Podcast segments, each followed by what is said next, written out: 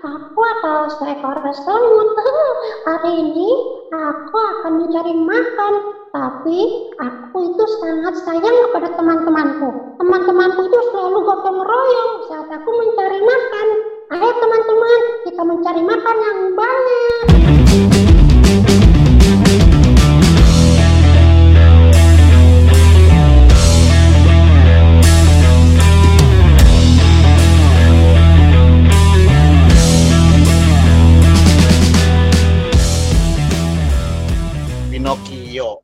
Cinderella, bawang merah, bawang putih, timun mas, Peter Pan, Malin kundang. Pino, ah, ya Malin Kundang bener. Hmm. Apalagi Pak dongeng Pak? Kok gue Upin- kehabisan Upin Ipin. kehabisan Upin dongeng ya? Ipin, Upin Ipin. Eh Bang Upin Ipin dongeng. Kita mau bahas soal dongeng nih, Bro. Iya itu dia makanya tadi gue lagi lagi mikir-mikir kan. Yang dongeng yang gue tahu dari dulu cuma itu itu aja. Gue pengen tahu tentang dongeng ini sendiri. Dongeng ini Ya. tuh kalau pengen ngasih dongeng ke anak tuh kayak gimana sih yang yang ideal lah gitu. Makanya gue makanya gue ngundang temen gue pak temen gue ini dulunya pak dulunya nih yang gue Hmm. tahu dia anak Vespa Oh, bukan anak orang itu, bukan anak orang. anak Vespa pak lalu gue lihat dia abis dari eh, buka bagasi Vespa dia keluar gitu gue lihat Alhamdulillah. Selamat ya Vespa gitu. Anaknya manusia. Iya.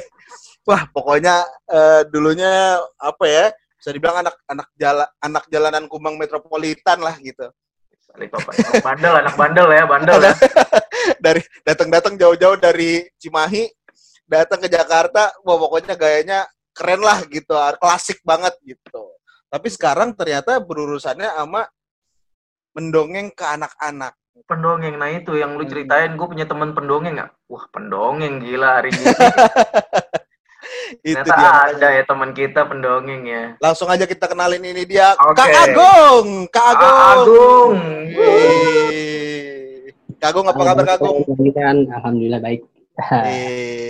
Kak Agung di sini ada Bapak Ale dan juga Papa Ji Dan para pendengar Budiman, para pendengar dan Budiman. pada pendengar Budiman Para pendengar semuanya, salam kenal ya. Ya. Kak Agung, gue mau nanya-nanya dulu, lo anak berapa Kak Agung? Saat ini anak gue tiga. Gue pertanyaan gue cuma cuma cukup dijawab eh, anak lo di, didongengin apa enggak? Didongengin. Malah Didongengin. mereka lagi. Oke. Wah, oke. Kalau gitu sebelum kita masuk ke pembahasan tentang dongeng, gue akan bertanya eh, pertanyaan cep- jawab cepat. Jadi lo tinggal jawab aja antara dua pilihan, lo pilih salah satu. Oke? Siap. Pertanyaan yang Jawab pertama. cepat, jawab cepat. Jawab cepat. Pertanyaan yang pertama, Kapten Hook apa Peter Pan? Peter Pan, Oke. Sulap atau ventriloquist? ventriloquist. Ventriloquist. Holden apa Honda GSX? Holden, Oh, hehehe. anak ngomong jorok apa anak marahin lu? anak marahin gue. Oke, oke, oke. Vespa apa Honda CB? Vespa. Ya, Oke. Wah, Vespa, pengen Honda CB. Tapi dia juga pengen pak kalau dikasih Honda CB. Oh iya. Oke, Kalau Eh, dikasih jangankan Honda CB, dikasih kipas angin juga gue seneng. goblok, goblok. Gong. Mas pos satu aja diterima ya kan? Ih, Tung. Dongeng menurut Kak Agung apa sih dongeng? Ya, dongeng menurut De- Kak Agung apa? Definisi berdongeng. Dongeng itu adalah sebuah cerita eh, cerita fiksi ya, pastinya cerita fiksi yang di mana di dalam setiap ceritanya itu terdapat pesan-pesan kebaikan yang bisa kita sampaikan kepada anak-anak ataupun halayak banyak.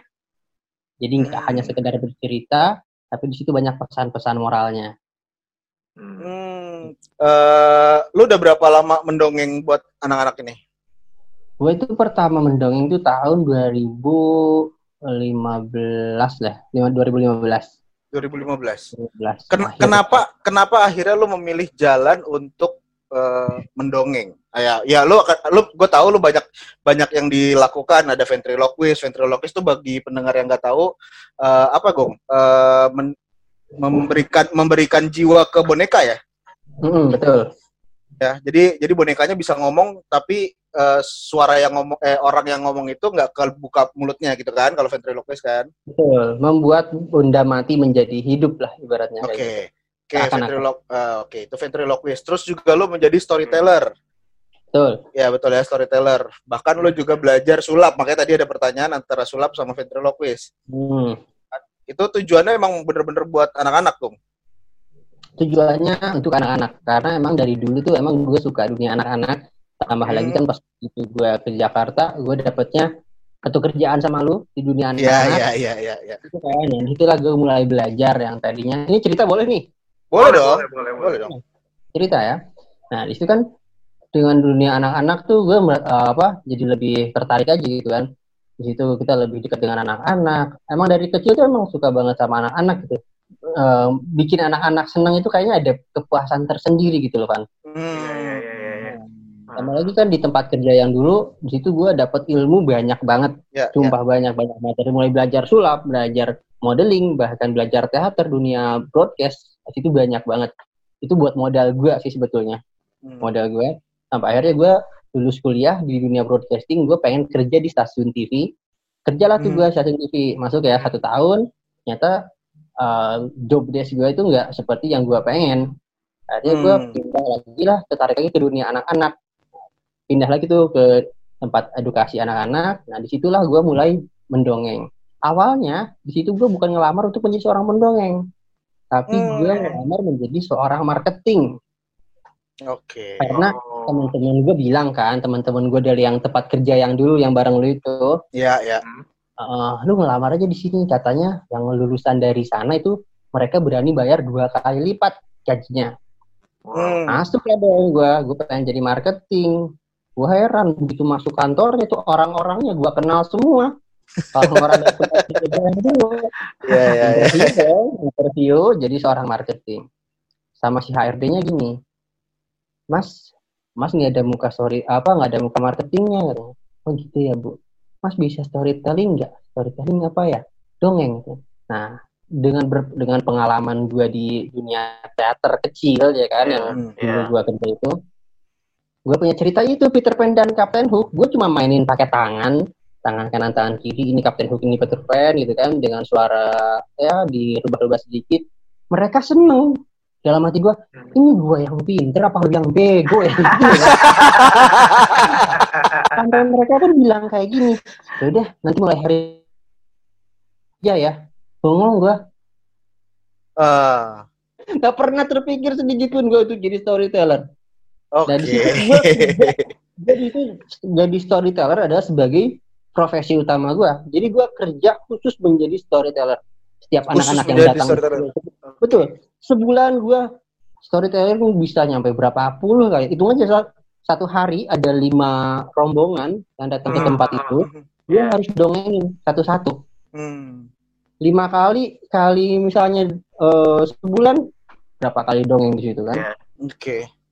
Nah, dan ternyata sebelumnya itu gue nggak tahu kan harus kayak gimana. Gue lihat referensi sebelumnya. Siapa sih pendongeng sebelumnya di sini?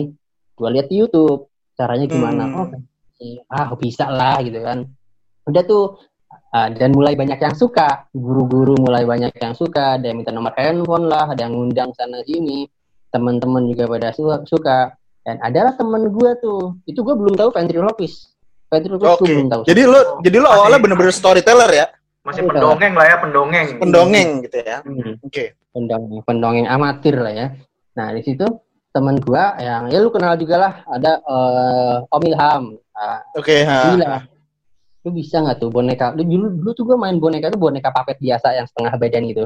Oke. Dan gua memperlakukan dia hanya sebagai seorang eh, sebuah boneka biasa gitu kan. Boneka tangan aja. gitu ya, boneka tangan yang Hmm, mangap-mangap iya, itu ya. kayak gitu. Mm, kayak panggung boneka gitu. Lu bisa nggak? Lu anggap boneka itu seperti teman lu sendiri. Lu anggap boneka itu hidup gitu kan. Oh gitu ya. Akhirnya gue browsing-browsing lagi di YouTube. Lihat ventriloquist. Wah, apa nih? Ventriloquist. Keren juga tuh kan. Melihat boneka bisa Hmm. hidup gitu kan. Saat Hmm. eh, apa namanya? Ya kita memperlakukannya tidak seperti boneka. Kita memperlakukan si boneka itu kayak teman kita sendiri. Akhirnya gue sampai gue pesen boneka tuh. Gue pesen boneka dengan harga tujuh ratus ribu tuh kayaknya dulu mahal banget gitu ya. Oke. Untuk Dulu sebuah boneka ya. Untuk sebuah boneka tujuh ratus ribu. Bahkan 200.000. istri istrinya belum pernah dikasih boneka semahal itu, Cuk. Nah, gitu. Ada situ gue beli tuh gue semakin kembangin lagi eh, dongeng gue tambah lagi dengan ventriloquistnya itu gue mix tuh jadi storytelling dan eh, ventriloquist gue mix jadi di awal gue pakai ventriloquist di pertengahan sampai akhir itu gue pakai storytelling nah itu wah Hmm. makin wah, makin banyak undangan ke gue makin banyak yang minat gitu kan nah di situlah gue mulai mulai percaya diri dengan skill gue Oke. Iya, iya, iya, di iya. situ gue Oke. lama kelamaan ini gue sendirian dongeng gitu ya nggak ada komunitas nggak punya guru Hmm. nggak ada yang kasih komentar nggak ada yang kasih masukan kayaknya gue perlu nih gue perlu masuk suatu komunitas dongeng nih gue Oke. cari-cari browsing browsing ya kan browsing browsing nah ketemunya gue komunitas pendongeng kemanusiaan waktu itu Hmm. Oke. gue di situ kurang masih kurang minat nah, akhirnya gue nemulah satu wadah yaitu komunitas namanya Kampung Dongeng Indonesia nah ternyata si Oh. pendirinya itu dia pernah ngisi di tempat kerja gue dulu sebagai eh, apa namanya mo- bukan motivator ya ya hampir sama kayak motivator lah Trainer, trainer. trainer trainer trainer, Trainer. trainer untuk guru-guru dan orang tua Oke. Oke.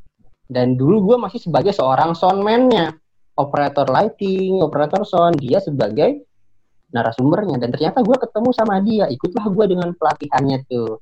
Tiga hari dua malam Hmm. gue investasi itu 800 ribu untuk belajar itu. Dan ternyata pulang dari situ gue ditawarin tuh kak sibuknya apa sekarang? Saya bilangin kan gue sibuknya gini gini gini gini. Mau nggak bergabung di sini? katanya Eh, fokus di dunia dongeng ini kan. Hmm. wah boleh tuh. Akhirnya masuk lah tuh. Yang tadinya hanya sekedar ikutan pelatihan akhirnya gue jadi masuk jadi anggota. Hmm. jadi anggota komunitas. Nah di situ Hmm. sempat gue juga jadi ketua ketua cabang di Tangsel ya kan. Nah di situ setelah pulang dari pelatihan besoknya gue langsung disuruh ngisi acara. Kak besok bisa ngisi acara nggak di sini nah di situ mulai hampir setiap hari selama satu bulan masuk terus eh, orderan untuk dongeng Hmm. setiap hari itu ada terus nah Iya, di situ iya, mulai iya, iya. terus terus gue kembangin lagi dan sampai sekarang itu masih gue jalanin Kagung, Hmm. gue mau nanya Kagung, Eh lo sebagai pendongeng yang yang udah dibilang eh, jam terbangnya tinggi lah gitu. Eh, Hmm. seberapa penting sih dongeng ini ada di tumbuh kembangnya anak? Apalagi lu udah punya anak tiga ya, tiga tiga tiganya pasti gue yakin sih lu dongengin anak lu. Tadi kan lu juga udah ngomong cerita eh, dongeng. Hmm. Seberapa penting sih dongeng ini eh, untuk tumbuh kembangnya anak? seberapa penting menurut gue itu penting banget ya karena dari dongeng itu kita itu lebih eh, anak-anak itu lebih cepat menerima masukan melalui dongeng dibandingin kita ceramah atau eh, ngomelin anak-anak Benar. contohnya Hmm. kita mau ngasih apa mau negur anak gitu kan menegur anak dengan halus Hmm. itu nggak ya dengan dongeng itu lebih lebih cepat diterima oleh anak-anak dibanding kita harus bentak-bentak lah harus gimana itu nggak anak-anak mungkin oke lah mungkin masuk ke telinga kanan keluar telinga kiri tapi dengan dongeng itu cepat banget menyerapnya gitu kan ya jangankan anak-anak lah kalau gue lihat ya kan eh, saat gue bercerita orang tua pun merasakan itu gitu Hmm, Hmm. Oke. dan saat gue mendengarkan dongeng orang lain pun sama seperti itu jadi pesan Lo- yang ingin disampaikan tuh lebih masuk lebih cepat Hmm, karena lu karena eh, lu sebagai pendongeng itu benar-benar mengajak orang itu masuk di dalam ceritanya gitu. iya betul Oke. Tapi selain dongeng, kalau gua apa ya coba ngeliat ya selama ini banyak media lain lah ya, banyak media lain selain dongeng gitu untuk untuk seperti yang lu bilang gitu ngasih sesuatu insight atau ngasih pesan ke anak gitu hal-hal baik kan medianya tuh nggak cuma dongeng gitu kan Mm. C- Contoh, contoh YouTube gitu ya maksudnya. iya nonton nonton cerita video- nonton, video nonton, gitu kan. nonton Upin Ipin nonton Ya, ya, ya, ya. sebenarnya eh, manfaatnya dongeng sih di- dibandingkan Media media, lain. lain, Eh, artinya nggak nggak bisa digantikan nih dongeng dengan media Oke. lain itu apa sih yang sekarang kita ambil plus minusnya aja ya kalau misalnya kita oke lah edukasi banyak di YouTube gitu kan tinggal nonton video. Tapi kan di situ ada eh dan aku maksudnya ada edik. Anak-anak ntar pasti bakal kebiasaan dengan nonton si misalnya, contoh YouTube-nya nontonnya di handphone. Yap. nah awalnya mungkin niat kita ingin memberikan pendidikan kepada anak-anak ya kan? Ingin memberikan apa namanya hiburan dan yang ada pendidikannya. Tapi itu lama-lama itu bakal jadi kebiasaan dan juga edik juga. Sedikit-sedikit handphone handphone. Meskipun yang dia tonton itu memang uh, apa namanya awalnya maunya niatnya nontonnya yang yang baik tapi kan terujung-ujungnya terlihatnya dia malah main game dan lain-lain. Jadi ada ada kecanduannya gitu kecanduan yang ibaratnya kurang baik lah ya. Oh, karena kan bermain handphone kelamaan juga nggak baik. Nah tapi kalau misalnya kecanduannya dongeng bagus dong. Hmm, okay. ya, ya, jadi nggak yang maksudnya nggak uh, nilai negatifnya ya ibarat ibaratnya nggak ada lah kalau dongengnya. Kecuali jadi negatif dan enggaknya dongeng tergantung si pendongengnya membawakannya seperti apa Kayak gitu oh. dan dengan dongeng pas uh, kalau saat kita menceritakan kepada anak-anak itu kosakata anak kita itu lebih banyak karena dia lebih banyak mendengarkan kata-kata mungkin yang belum pernah dia dengar Nah, hmm. setelah kita ceritakan, itu kosakata, contohnya dia anak gue ya kan, umur hmm. Dua tahun, dia kosakatanya udah banyak banget. Diajak ngobrol hmm. sama orang dewasa, nyambung, Pak. Hmm, karena karena lu udah karena lu sering ceritain dengan dongeng hmm. itu ya. Dari kecil gue ya, sering ya. ajak cerita, sering ajak ngobrol. Jadi kosakatanya dia tuh lebih banyak. Uh, bisa bercerita, bisa mendongeng itu biasa, sesuatu yang biasa. Tapi biasa hmm. mendongeng itu yang luar biasa. Hmm. Ya, Oke, okay, ya, ya, penting ya. nih, penting nih. Bis, ya. Bisa bisa, bisa mendongeng. itu biasa. Biasa. Biasa mendongeng itu luar biasa. Oh. Iya iya iya. Ya. Jadikan kebiasaan ya. Jadikan kebiasaan. Apalagi kan sekarang anak-anak itu udah jarang banget mendengarkan dongeng ya dengan banyak apa dengan uh, kemajuan teknologi mungkin dongeng itu udah semakin apa namanya hampir hilang lah nah gue sih mencoba untuk mengembalikan uh, dongeng itu ya dan tapi kalau misalnya teman-teman tahu sih sebenarnya sekarang komunitas dongeng di Indonesia itu banyak banget jadi dongeng itu hmm. lagi mulai naik lagi sebetulnya hmm. uh, boleh nggak Gung kalau misal Kagum kalau misalkan gue bilang uh, dongeng ini juga jadi media untuk uh, mendekatkan kita sama anak? Bisa banget. Memang salah satunya itu, salah satunya itu hmm. untuk mendekatkan kita untuk membangun bonding ya, bonding kita sama anak-anak. Bonding, hmm. bonding ya benar. Bonding sama anak-anak. Setelah setelah selesai dongeng nih, gue pernah ya selesai dongeng, gue udah pulang nih, udah naik motor, mereka ngejar-ngejar gue pak, gue udah kayak artis. Kagum, kagum, kagum. Jadi kita dengan anak-anak. Iya iya iya iya iya. Karena mereka karena mereka dibuat nyaman dengan cerita lo itu ya. Hmm, dan sebelum dongeng pun yang pasti kita kan harus ada pendekatan dulu dong. Nggak mungkin ujuk-ujuk kita ketemu anak-anak langsung dongeng. Anak-anak juga bengong. Nggak, nggak bisa, nggak bisa. Lo maksudnya datang datang ke sebuah crowd misalkan gitu anak-anak ke satu kelas, lo langsung mendongeng gitu nggak bisa? Nggak bisa. Yang pasti harus ada perkenalan, ice breaking, biar suasananya semakin mencair dulu. Gitu ya. Kita bangun bonding dulu antara kita dan anak-anak gitu. Sebenarnya hmm. ada nggak sih jam-jam tertentu Ideal. yang pas nih untuk kita dongeng atau kapan pun lu mau dongeng dongeng lah gitu gimana menurut lu? Dongeng itu bisa di mana aja, bisa di mana aja. Saat saat anak-anak bermain di taman pun itu bisa menjadi sebuah dongeng. Dongeng itu nggak usah harus lama-lama sampai berpuluh-puluh menit. Dongeng satu menit pun itu namanya dongeng. Misalnya kita ya kan, eh, anak-anak lagi main nih di taman. Eh ada itu ada lihat-lihat semut kan ada semut di daun. Nah, langsung aja kita nyanyi. Awali dengan nyanyi. Nah, nah, nah, nah, nah. Aku adalah seekor semut. Hari ini aku akan mencari makan. Tapi aku itu sangat sayang kepada teman-temanku. Teman-temanku itu selalu gotong royong saat aku mencari makan. Ayo teman-teman, kita mencari makan yang banyak. Nah, dari situ kita langsung katakan kepada anak-anak kita. Tuh kan, lihat semut aja gotong royong tuh saling bantu membantu masa kita enggak nah itu udah satu. ah, oke oke oke oke oke ya dongeng bukan hanya jadi pengantar tidur ya uh. tapi juga bisa kita mau ng ngasih tahu sesuatu. Sarananya hmm, dongeng gitu ya.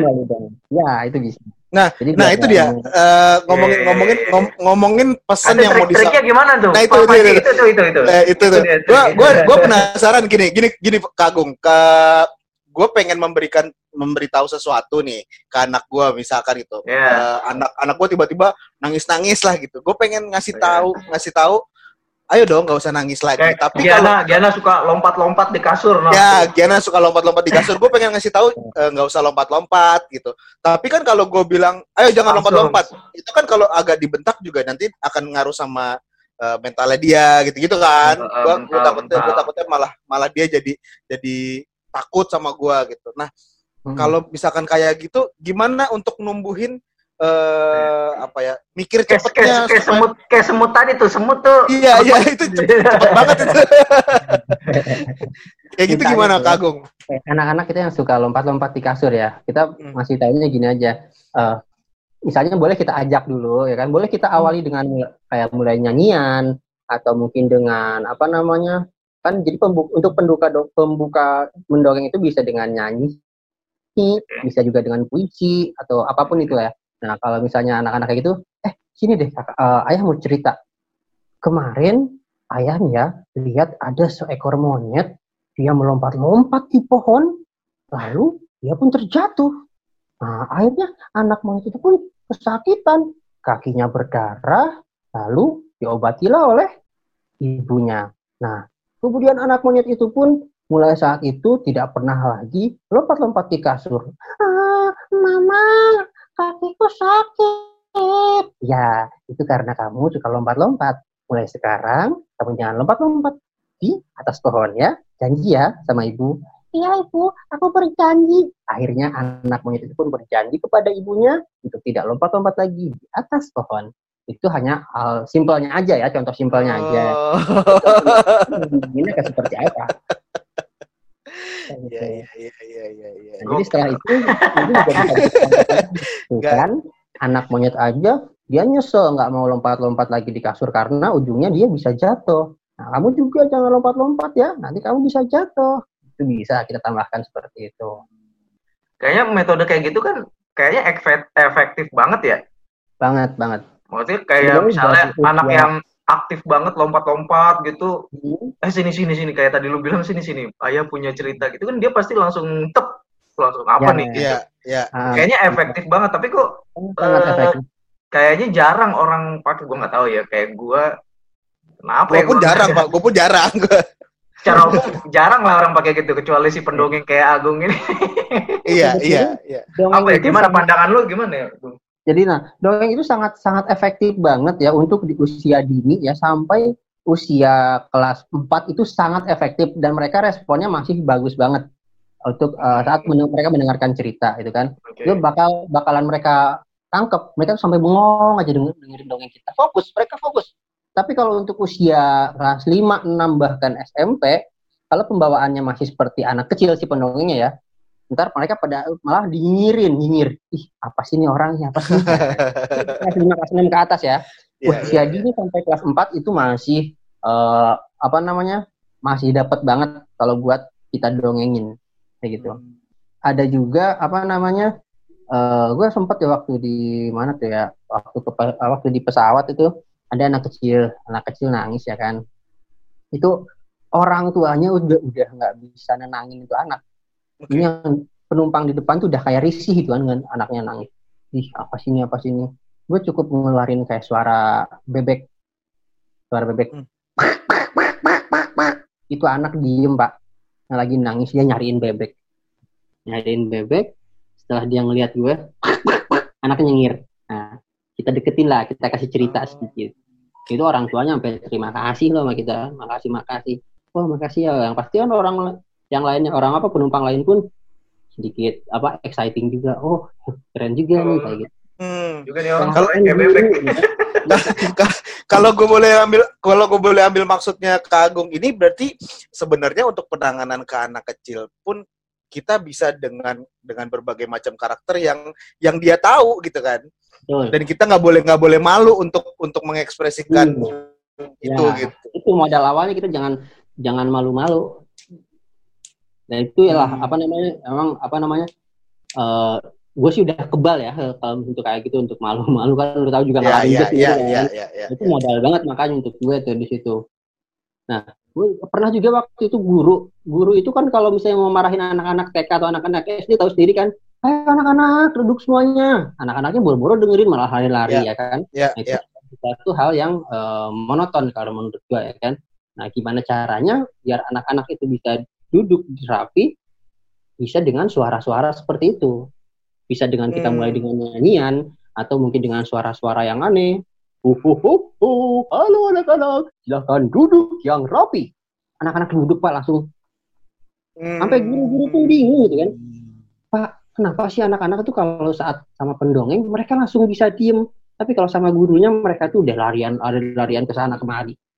Bahkan seribu anak di lapangan gue pernah dongeng, itu anak-anak semua terpana saat fokus ke atas panggung. Minimal setiap orang bisa mengeluarkan tiga suara, itu udah bisa membuat anak-anak tertarik gitu. Hmm. Jadi dongeng, meskipun kita dongeng ya kan, tapi kita Ya, pembawaannya biasa aja, pakai suara biasa aja, anak-anak juga kurang fokus. belum ya. Hmm. Oh, iya iya iya benar benar benar. Wah, Jadi ada suara suara besar, suara kecil, suara sedang, Suara, Suara biasa, suara suara normal kita ya. suara bawaan lahir ini ya kan. Ya, Hahaha. Kita gunakan untuk narasi. Suara ya. kecil untuk tokoh-tokoh yang kecil, suara-suara besar untuk tokoh-tokoh yang besar. Nah, dengan modal tiga suara itu, itu bisa membuat anak-anak lebih tertarik mendengarkan cerita kita. Hmm. Di modal awalnya. Oh, itu ya modal untuk ya dengarkan ya para pendengar ya. Jadi buat yang nggak mampu acting, lo hanya butuh tiga macam suara. Tiga macam suara. Suaranya lebih besar. Co- eh, boleh contohin, Gung. Contoh- Contohin. Kalau suara misalkan suara standar lo gimana? Suara suara standar ya, nih buat Ah, narasi ya. Ah, buat narasi, buat narasi. Di sebuah hutan tinggallah beberapa binatang. Ada binatang yang hidungnya panjang, telinganya lebar. Binatang apa namanya? Gajah. Nah, orang anak-anak kan pasti langsung gajah langsung jawab Ya, kan. ya, ya. Seekor gajah pun berbicara. Ho, ho, ho, ho, ho. Hari ini aku akan bermain bersama teman-temanku. Setelah bermain, aku akan bermandi mandi di sungai. Aku akan bermain air di sungai. Wow, segar sekali. Itu suara seekor gajah. Suara besar. Oke. Suara besar. Kemudian gajah itu pun bertemu dengan seekor semut yang sangat kecil. Hei semut, sedang apa kamu? Ah, aku juga sedang mencari makan di sini. Kamu mau apa di sini? Oh, aku mau mandi bersama teman-temanku. Oh ya sudah kalau mandi tapi jangan basahin di sebelah sini ya. Aku sedang mencari makan. Oh iya, baiklah. Tuh, contohnya. Oke. Oke, oke, oke. Itu aja udah cukup ya, Gung ya? cukup banget. Ditambah lagi dengan ekspresi wajah kita, ya kan, kontak Hmm. mata kita, itu akan membuat anak masuk ke dalam cerita kita. Jadi saat Hmm. bercerita itu ya kita liatin, kita pandangin matanya mereka satu-satu gitu kan, meskipun hanya tiga detik gitu kan, lihat lagi yang lain, tiga detik lihat lagi anak yang lain, itu anak-anak akan merasa diajak masuk ke dalam cerita kita, kayak gitu. Jadi kalau pengen ngasih tahu sesuatu ke anak daripada dibanding daripada ngasih taunya dibentak ataupun ngasih tahu biasa, ya mendingan dengan cerita gitu. Nah itu mulailah di- kita biasakan dari sekarang. Tentang dongeng aja bisa ngobrol segini lama loh, Pak. Kalau untuk anak-anak ya paling kita dongeng dongeng dongeng fabel ya, dongeng dongeng binatang. Itu anak-anak Fabel mungkin lebih binatang, suka. ya. Nah, gitu. Gua kadang kadang gini, eh suka ya oke, kita banyak referensi kayak tadi gue sebutin di awal referensi cerita A B C D E F G gitu Mhm. kan. Tapi kadang-kadang ada rasa ada rasa pengen gue pengen bikin situasi tersendiri deh, gue pengen bikin bikin cerita baru gitu. Tapi kok susah untuk nemuin pesan yang pengen disampaikan ya. Gimana tuh Gung bikin kayak gitu Gung? Uh-uh. Yang pasti ya kalau misalnya kita kita tergantung kita mau memberikan dongengnya untuk anak kita apa untuk umum nih. Kalau untuk Kalau anak kita, buat kalau buat anak sendiri deh. untuk anak sendiri ya, misalnya ya kita harus tahu dulu goalnya kita bercerita tuh apa nih? Kita pengen menyampaikan pesan apa nih? Hmm. Misalnya Hmm. pesannya tentang tentang kebersihan. Oke, Nah, dari misalkan kebersihan contoh itu- kebersihan gitu. Hmm, misalnya tentang cerita kebersihan ya kan. Ah, misalnya seorang anak bernama Una, dia baru saja bangun tidur. Dia bangun tidur karena dia mendengar suara. Suara apa itu? Ayam jantan. Itu kokok betul sekali. Setelah bangun tidur, Una pun teringat pesan ayahnya. Dia selalu membereskan tempat tidurnya dengan rapi, kemudian dia menyapunya dengan rapi. Setelah selesai membereskan tempat tidur, Una pun langsung bersiap-siap untuk mandi. Eh, tapi kenapa ya Una harus mandi? Nah, itu kan situ pasti ada interaksi ya untuk anak-anak kita ya. Oh. Jadi ada tanya jawab. Eh, kenapa sih kita harus oke. mandi? Iya ya, karena biar kita bersih. Nah, jadi gitu ya. Jadi kita gunakan juga interaksi dengan anak-anak. Ada tanya jawabnya gitu. Nah, di situ kan pasti pasti kan pesannya udah pasti tersampaikan kan. Hmm, hmm, Kenapa harus mandi? Karena biar bersih gitu kan. oke. Kemudian dia mandi tidak lupa Una menggosok gigi. Nah, berarti itu juga udah- udah pesan juga gosok gigi. Nah, eh, waktu Una sikat gigi, ternyata Una tidak hati-hati. Ah, aduh, kena hidung. Ya, teman-teman kalau gosok gigi harus pelan-pelan ya. Kalau nggak pelan-pelan bisa berbahaya. Nah, itu satu pesan lagi. Oke. I see. Dalam satu cerita itu banyak banget bisa bisa beberapa pesan masuk dalam satu cerita. Kagung kalau pengen ngobrol-ngobrol sama Kagung, Instagramnya Kagung apa? Oh ya, Agung Ripani. At Agung Ripani. Nah, tapi pakai P ya, bukan pakai F. Maklum orang Sunda, jadi pakai P. Oh, Agung. pakai up. Pakai Agung Ripani. Oke. Dan Nanti cek aja di Instagramnya podcast Putra Bapak biasa akan ada Iya, Instagramnya. nanti detailnya akan dikasih. ini. Kak Agung Nonoy. Kak Agung Mantap. Oke, terima kasih Biasa. banyak Kak Agung buat cerita-ceritanya, buat motivasinya buat kita bapak-bapak ini supaya bisa lebih bonding lagi sama anak-anak kita, ngobrolnya Oke, oke. jadi lebih enak dengan bercerita. Gitu. Makasih juga buat yang udah dengerin. Selamat eh, berlatih untuk cerita ke anaknya masing-masing. Yes. Atau ke ponakan, ke adik, ke itu efektif banget. Kalau mau tanya-tanya, pengen ngundang-undang ke Agung, silahkan DM di Instagramnya at eh, Agung. Agung Ripani. Tuh, terima kasih Kak Agung. Oke, pokoknya Oke. sukses terus buat PSBB ya. Ya, Keren-keren. siap. Terima kasih. Thank you semuanya. Bye bye.